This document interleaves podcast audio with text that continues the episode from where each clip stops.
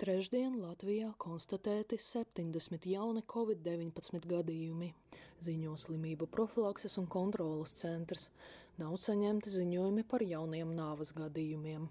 Kopā diennaktī veikti vairāk nekā 6000 testi. Pozitīvo gadījumu īpatsvars 1,1%.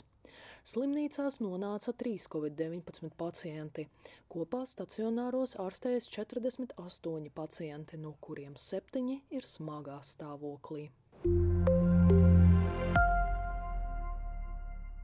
Latvijā joprojām ir viens no zemākajiem covid-19 saslimstības līmeņiem Eiropā, ziņo Leta.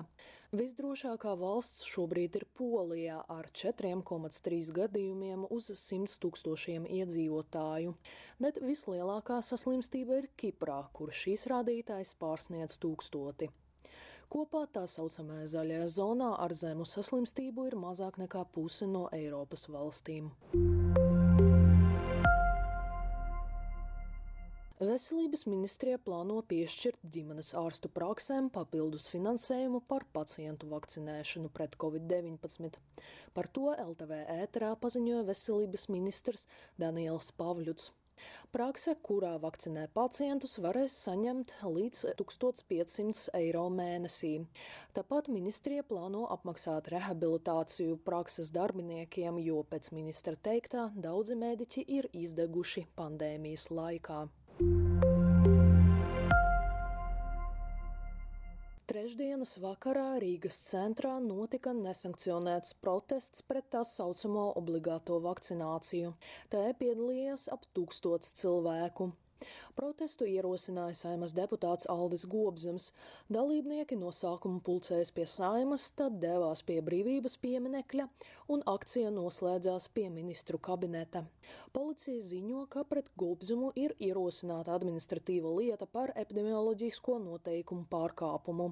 Kā jau ziņots, saima konceptuāli apstiprināja likumprojektu, kurš ļaus atlaist darbiniekus bez Covid-19 certifikāta. Eksperti nosodīja mediķu arotbiedrības valda Kēra pausto par vakcīnu drošumu dažādām vecumgrupām. Arotbiedrības vadītājs paziņoja, ka vakcīnas nav drošas cilvēkiem, kuri ir jaunāki par 25 gadiem. Imunizācijas valsts padomas priekšsēdētāja Dace Zavācka uzskata, ka Kēra paziņojums diskreditē veselības nozares darbinieku profesionalitāte, jo tas bija, citēju, apzināti sagrozīts un no kopēja konteksta atrauts. Šim viedoklim pievienojas Latvijas ārstu biedrība un veselības ministrija. Covid-19 dienas apskatu sagatavoja Ksenija Kaļiesņikava, portāls Delfi.